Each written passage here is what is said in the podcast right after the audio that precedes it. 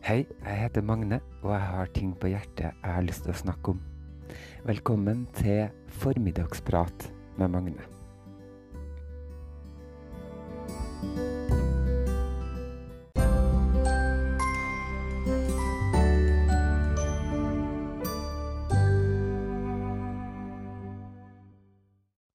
Fastelavn er mitt navn, boller vil jeg have. Hvis jeg ikke boller får, laver jeg ballade, sa kjerringa. Velkommen til Formiddagsprat 66.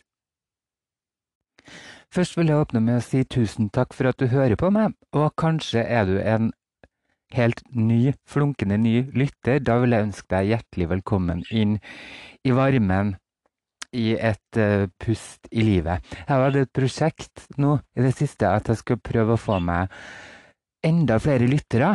For jeg fikk for meg det, da. At jeg ville ha mere.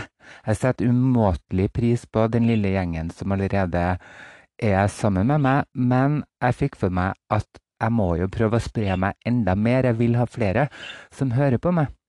Så en av de tingene jeg gjorde, var at jeg sendte en mail til Kyrre i en annen podkast som er stor Jeg holder på å si verdenomspennende, men det er den kanskje ikke. Men den er en av de store i Norge, da. Altså krisemøter, som jeg pleier å høre masse på, som jeg liker veldig godt. da. Så jeg sendte en mail til han, som han leste opp. Og når han leste den, så sa han Han introduserte den som en sår mail, da. Det syns jeg var litt sårt, på en måte.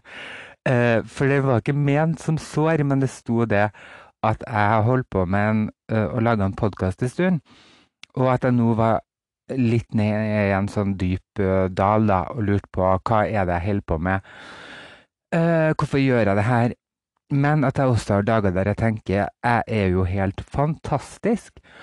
Og ikke sant, det er jo begge deler. Det er jo ikke sånn at jeg, jeg sitter og, og er lei meg når jeg, når jeg lager podkast. Jeg er jo stort sett glad.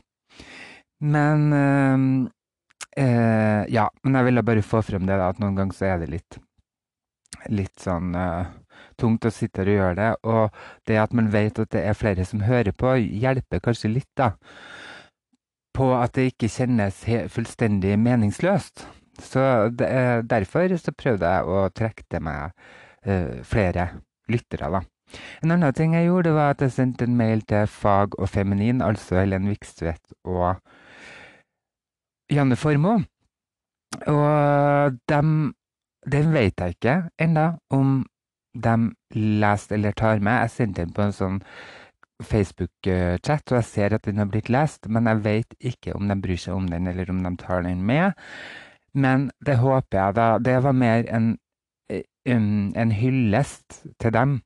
Fordi jeg trenger jo litt humørløftere. Du, du som har eventuelt har hørt på før, vet jo det her. At jeg kan våkne om morgenen stiv i magen uh, av nervekramper. Syns det er vanskelig livet uh, en par timer. Uh, må ta meg en fem-seks røyk og, og, drikke litt te og ja, kanskje legge meg nedpå litt og, og vente litt til det går over det verste. det verste, da. Men så prøver jeg å få, få folk, eller altså finne ting som løfter det her humøret mitt, da. Og da kom jeg på Helene og Janne fordi en gang på 90-tallet så mista jeg latter og glede fordi at jeg ble tvunget mer eller mindre til å se på en masse sånn komiserier på TV Norge med latterbokser, og det skulle være veldig morsomt, men jeg, jeg syntes ikke det var noe morsomt, så jeg ble bare sur. Og så mista jeg latteren. Og så kom det en dag et fantastisk TV-program, også på TV Norge, som het, tror jeg da, som het For Spinn, som var teatersport, der det var flere skuespillere som konkurrerte mot hverandre i ja, teatersport, da. Improvisasjonsteater. Og der var det en fantastisk nydelig høy og mørk dame som het Helen Vikstvedt. Og jeg satte meg ned og kikka på det programmet, og så skjedde miraklet. Jeg begynte å flire igjen. Og det var så deilig. Endelig kom latteren tilbake. Jeg tok opp det programmet på videokassetter. Satt og så det hele uka til neste program kom, og sånn holdt jeg på i, i hele den tida det programmet jeg holdt på. Jeg husker ikke hvor lenge det var, men, uh, men da hadde jeg det fint, altså. Da flirer jeg hele uka lang. Men så tok de jo dessverre av det programmet, og så kom 2000-tallet. Det var litt mørkt en stund. Og så, i fjor, så skulle jeg se på Norske Talenter. Og um, jeg har jo humra litt sånn innimellom, det må jeg jo si, da. Jeg skal ikke lyge heller. Uh, men altså, jeg savna kanskje en ordentlig sånn uh, magelatter. Så sitter en uh, søt blondine der blant dommerne, da, som heter Janne Formoe, dattera til kaptein Sabeltann.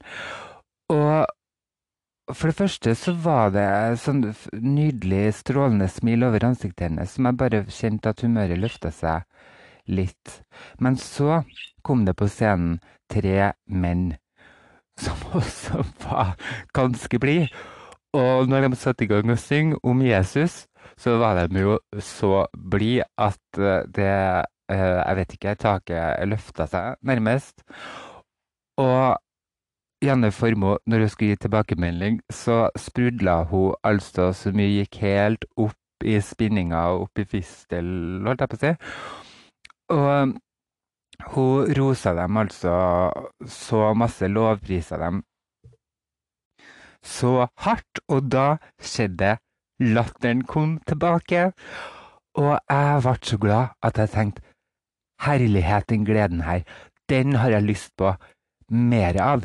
Så jeg måtte begynne å google, og til slutt så fant jeg ut at Janne Formoe Helen Vikstvedt hadde en podkast sammen, dem to.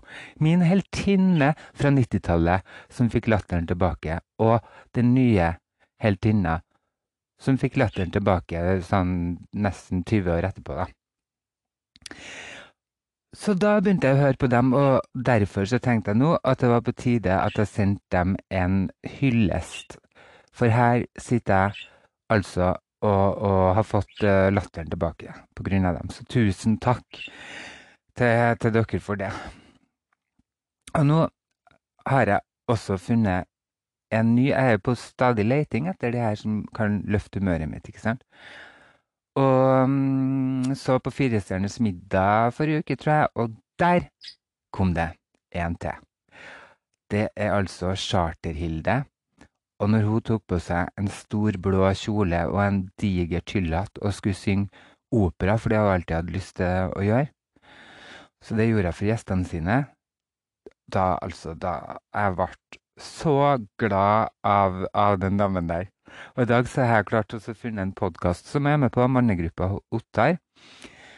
Og hun er altså Hun er så øh, deilig for meg. Hun gir meg dobbelt så mye energi som mellomlange fettsyrer. Og det er ganske mye energi, skal jeg si det. Uh, så uh, tusen takk til Charterhilde også. Hun inspirerer meg, gir meg glede. Og jeg tenker det er bare å kjøre på. Det er bare å ikke være redd, tenker jeg. Um, jeg blir vel uh, superinspirert av henne. Men jeg er veldig spent på hva som kunne ha skjedd hvis jeg hadde fått satt meg ned og hatt en samtale med Charterhilde. For jeg er litt typen som gjerne vil gå rett inn i big talken og snakke om livet, havet og døden og kjærligheten og, og alt det der.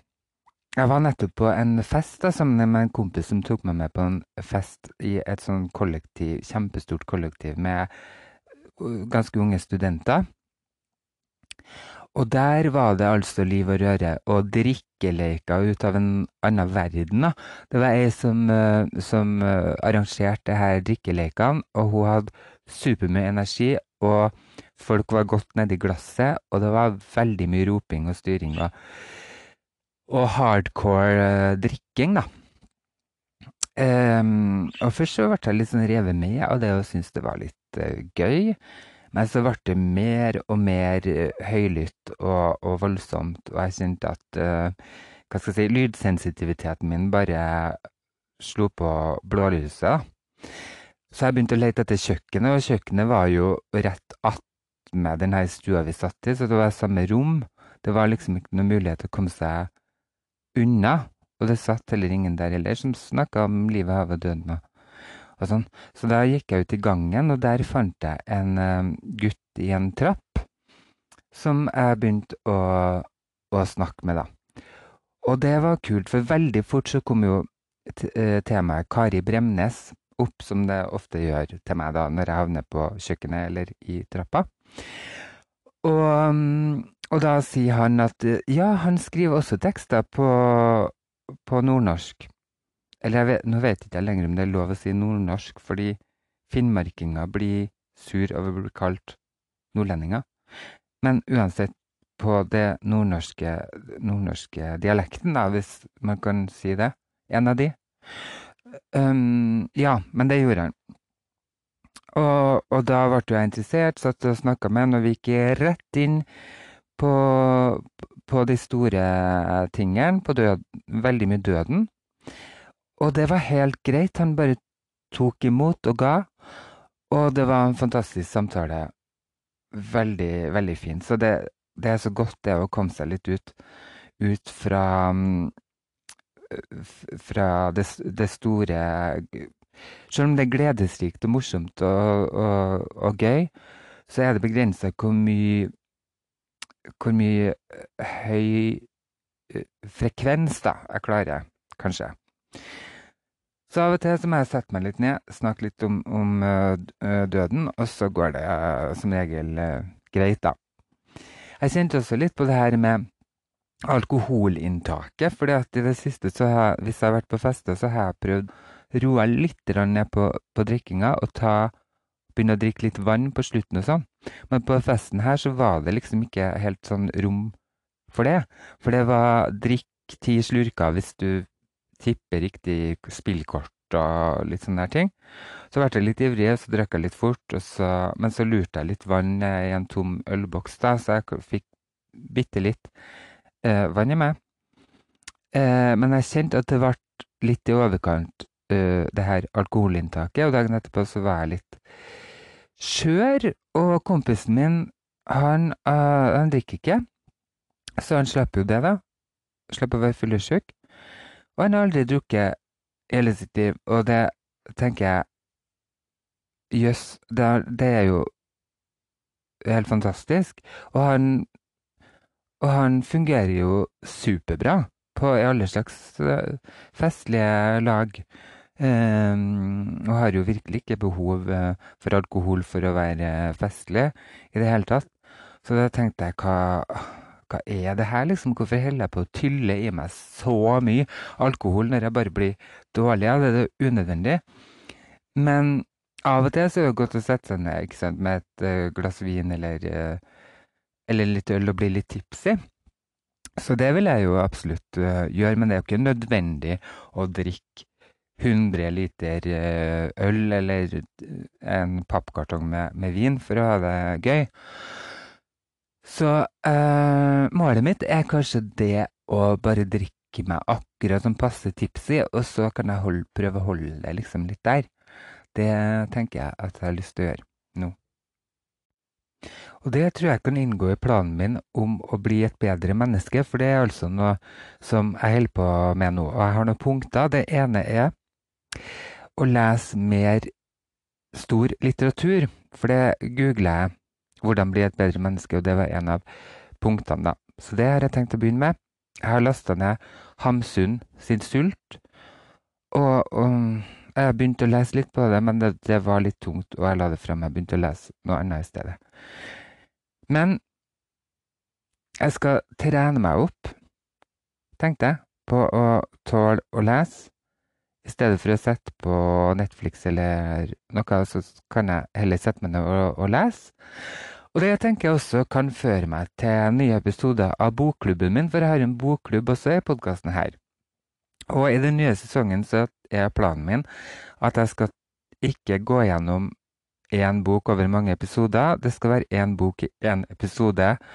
Og jeg vet ikke helt hvordan jeg skal bygge det opp og hvordan jeg skal gjøre det enda, men uh, Men du skal i hvert fall få være med meg på en reise i å bli et uh, bedre menneske gjennom litteraturen.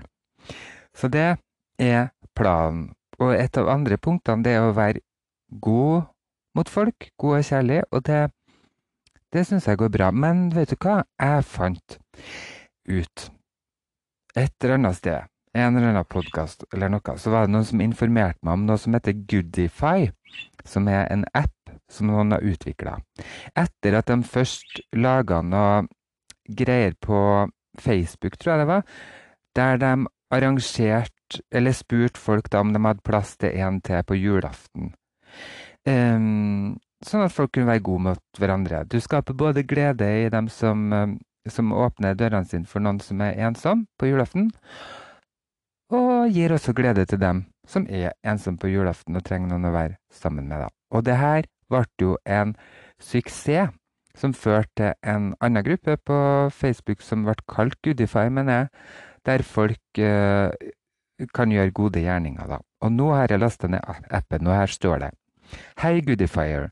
Goodify gjør det enklere for deg å gjøre gode gjerninger og å be om hjelp når det trengs.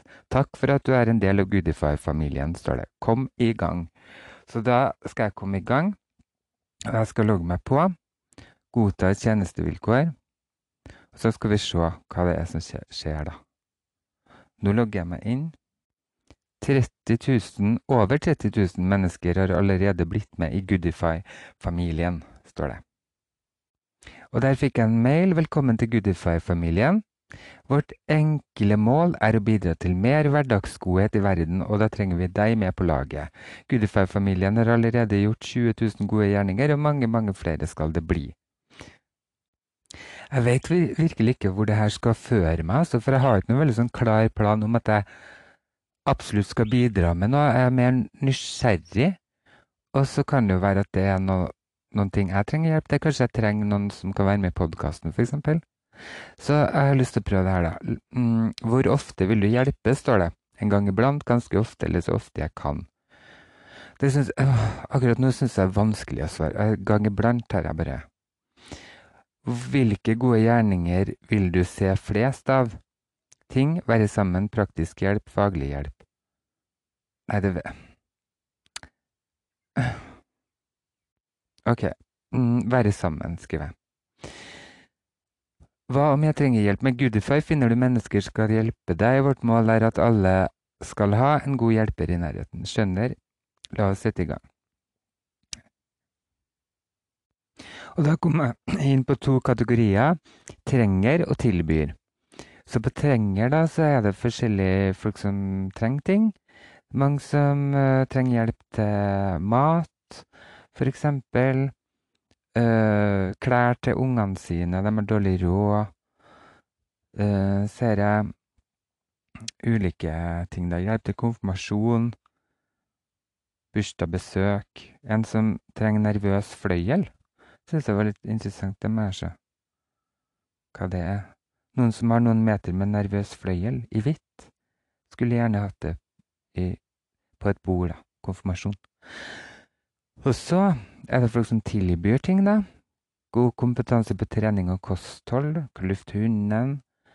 Noen som snekrer, handy ungkar-hjelper, det syns jeg var flott. Folk som kan Som lurer på om man trenger noen å prate med. Det kan hende jeg trenger da, til podkasten. Um, og så hjelper gjerne med det her syns jeg var interessant. Det hjelper gjerne å få wins i Fortnite, er det en som gjør. Det er vel et TV-spill, er det ikke det? Så da, hvis man holder på med det, så kan man altså få hjelp da, til få wins i Fortnite.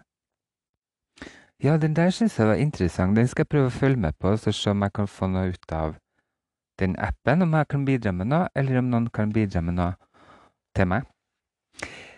Men akkurat nå så tenker jeg på at det er søndag, og en del av meg har litt lyst til å grine litt, og da fant jeg mm, et sted på nettet der det sto åtte åtte filmer som skal få meg til å grine mer enn Titanic. Så jeg browsa gjennom den, men så fant jeg ut at det var jo en film som ikke sto der, men som jeg har funnet sjøl og begynt å se litt på. Og det er 'Camilla og tyven'. Og den er jo så koselig. Jeg begynte å se litt på den i går, jeg skal se resten i dag, tenkte jeg da. Fantastisk film om vennskap uh, på tross av alder. For det handler jo om ei lita jente som ikke har Mammaen er død og bor til sin tante. Hun skal sendes til søstera si på landet. Um, og så møter jeg en mann da, som nettopp har stjålet fra sjefen sin. For han var fattig, og faren var alkoholiker og sånne ting. Og så blir han sparka av sjefen fordi at han har redda en unge fra å bli påkjørt av han her sjefen, da, så han kalte han idiot eller noe sånt. Og så finner han den her safen da, idet han skal bli sparka, og så tar han penger. og sånn der. Men i hvert fall så blir de her to venner, den lille jenta og han eh, store tyven, da. Og det er så koselig og rørende og vakker film. Og Morten Harket synger så vakkert. Hvem er din nye venn Camilla? Er det en som du kan stole på? Og det er ingenting som er så deilig som å kunne bli ordentlig rørt og få grine litt på en søndag. Men nå kom jeg på en ting jeg må fortelle om.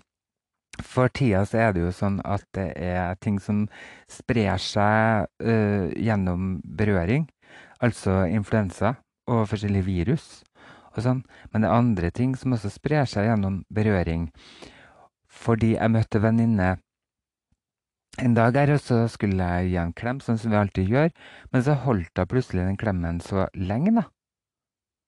Og så sa hun etterpå at jo, du skjønner at jeg hørte en podkastepisode der du fikk besøk av kompisen din, og han øh, holdt en klem i sju sekunder, fordi at da serotonin eller dopamin eller hva det heter for noe, begynner å, å mm, blomstre i kroppen. Og det er bra for oss.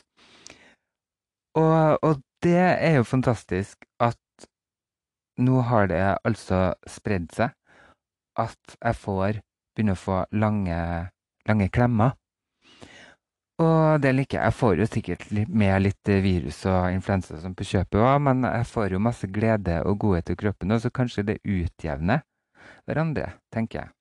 Jeg tar sjansen, jeg.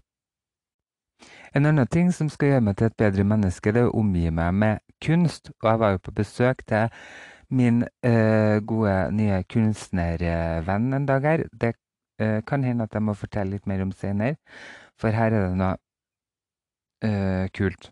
Men uansett, det var så fint da å kunne få se litt på det han drev og mala, og ting han holdt på med. Og han sendte meg også tips til en film som het Offeret. Uh, The Sacrifice, som han godeste Allan Edvald er med på, blant annet. Det var en veldig langsom, rolig, teatralsk film med veldig vakre bilder og veldig pussige ting som skjedde. En dame som plutselig fikk sammenbrudd og lå og gråt på gulvet i timevis. og jeg kjente at jeg var jo vant med å se ting som skjer. Litt action og sånn. Så, så, det var litt sånn vanskelig å se den, men samtidig fint altså, å kunne utsette seg for litt sånn sakte TV noen gang, da. Og det gjorde at jeg fikk lyst til å se Hud av Vibeke Løkkeberg, for den heter den da, og den tenker jeg går under den kategorien. Litt sånn kunstfilm. Og så når jeg skulle finne Camilla og tyven på YouTube, så fant jeg en eh, lang sånn spilleliste med sånn norske filmer. Og da kom jeg på en som heter 'Hører du ikke hva jeg sier', der Kjersti Holmen spiller blant annet og synger helt sånn nydelig jazzlåt som jeg fikk uh, dilla på en periode. Og der gjør jeg også et standup-nummer som jeg syns er dritartig. Da. Og vanligvis er jeg ikke noe glad i standup. Som jeg sa, så er det sjelden at jeg flirer, men uh, akkurat hun fikk meg til å flire. Det var vel også et eller annet sted på 90-tallet, tror jeg. Så kanskje det var før Helene Vikstvedt uh, vekte meg, tror jeg kanskje. ja. Men nå syns jeg det er på tide å lese fra min bestefars memoarer igjen. Og for deg som kanskje ikke hørte om det før så er det altså sånn at min bestefar, som var svensk, han døde samme året som jeg ble født. Jeg visste ingenting om han, ingen fortalte noe særlig om han. Og, og så fikk jeg for meg at jeg hadde lyst til å finne ut litt mer. Og så viste det seg at et søskenbarn av meg hadde altså hans memoarer for hånda, som jeg sendte meg i posten, og nå sitter jeg her altså og blir kjent med min bestefar. Og det er helt fantastisk uh, koselig for meg. Og han forteller altså masse om sine, sine, reiser ute på de store hav som sjømann på begynnelsen av 1900-tallet. Og sist jeg leste, så hadde han altså skaffa en grammofon til båten, blant annet, som det var en som mista i havet. Eh, men som de hadde veldig mye moro med, da, fester og turer, hadde, det gøy. Og nå skal jeg lese videre videre her, da, hva bestefar eh, sier for noe. Jeg skal avbryte skrivende om Sito for en stund og forsøke å gjøre rede fra, to danske båter. Den første minnes jeg inget av, men jeg måtte ha mønstret av den i Lybekk, for annars vet jeg ikke hvor jeg kommet dit. Jeg reiste med jernveg til Hamburg for jeg minst at det er fire klasser på jernveget til Tyskland, og jeg reiste medieklass. Jeg har mønstret ut fra Hamburg to ganger. Første gangen så hadde, bodde jeg hos Elefanten, og andre gangen på Sjømannshemmet. Da jeg kom til stasjonen i Hamburg, så tok jeg feil sporvogn og åkte langt opp i staden. Men så treffet jeg en havnearbeider som viste meg veien til havnen, og sen så tok jeg inn på Sjømannshemmet. Jeg var der bare noen dager, til jeg fikk hyre som matros. Men den danske båten Tyskland som hørte hjemme i Esberg. Vi gikk fra Hamburg til Middelbrow før at lasta kål til København. Og under tiden så hadde vi bra mat og en stuert som holdt hele fartøyet med kosten.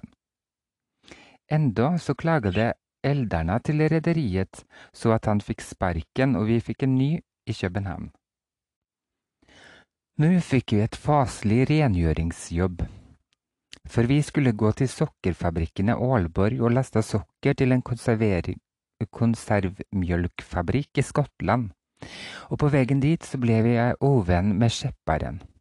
Jeg kalte båten for en skitbåt. Kalte du min båt for en skitbåt, sa skjepperen, så skal du få mønstre av da vi kommer til Aalborg. Ja, så sier jeg adjø da vi kommer dit. Mycket riktig så ble jeg avmønstret da vi kom til Alborg. Jeg visste ikke hvor jeg skulle bo, men jeg hadde tur for jeg traff en pie som jeg spurte om losji. Og da sier pien du kan få bo hos meg. Da det gått et par dager, så tok jeg en spasertur arm i arm med pien. Da vi møter skjepperen, så var det så høvelig som helst, tok av seg hatten og tok meg i hand. Sedan så sa det han at han ringte til København igjen, men kunne ikke få tak i noen matros, om jeg ikke ville mønstre på igjen. Ja, sier jeg, om kapteinen blir like snill som han eh, er nå. Og så ble jeg påmønstret igjen, og så ble vi ferdiglastet og på vei til Skottland. Det var en fin liten plass med masser av fabrikksjenter. Jag kommer inte ihåg eh, namnet på den. Båten hvor jeg var vaktemann om bord. På dagen så tok jeg meg en tur i parken, og der treffet jeg en flikke som satt på en sofa ved siden av en barnevogn. Vi ble gode venner, og neste dag så skulle jeg treffe henne igjen. Det ble inget av med det, for neste dag så ble vi utløsede og gikk til sjøs igjen. Nå var vi på vei til Hull for å laste kål til København, og da vi kom dit så mønstret jeg av, og hva jeg sedan gjorde, har jeg ingen anelse om. Det er nok et års tid som jeg ikke kan gjøre rede for av min tilværelse. Hadde jeg hatt min sjøfartsbok, så hadde jeg jo sett hvilke båter jeg vært med, men den brente min fru opp i 1930 for at jeg ikke skulle reise til sjøs. Då var det dåliga tider till lands, men på sjön så var det hyror. Det var altså dagens utdrag fra min eh, bestefars memoarer, og hvis du lurer på hva som kvitrer så muntert i bakgrunnen her, så er det min søte lille undulat som heter Eline Aurora, som, um, som koser seg og er kvikk, kvikk og rask i dag. Nå skal jeg gå og sette på TV-en og se om jeg klarer å motivere meg sjøl til å få satt meg ned og lest litt mer og bli blitt et bedre menneske. Uh, jeg har jo også lyst å bli rørt av Camilla og tyven. Kanskje jeg får smette inn det litt innimellom òg, før kvelden begynner med TV-maratonene. Altså med Farmen kjendis Kamp Culinaris og Jan Thomas møter Drømmeprinsen. Som jeg tenker at jeg kan få lov å tillate meg, eh, tillate meg i dag, da. For jeg tror også at ved å se på det, så kan jeg også bli et bedre menneske. Det tror jeg. Og jeg tror også at du, kjære lytter som har hørt på hele denne episoden her, kommer ut på den andre sida som et fornya og veldig mye bedre menneske. Og med det så må jeg bare si tusen hjertelig takk for at du hørte på meg i dag, og ha det riktig, riktig godt.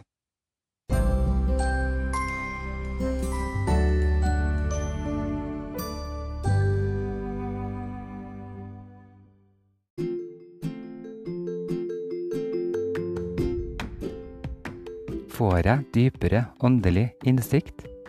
Blir jeg glad og munter, eller kanskje blir jeg sjokkert og redd?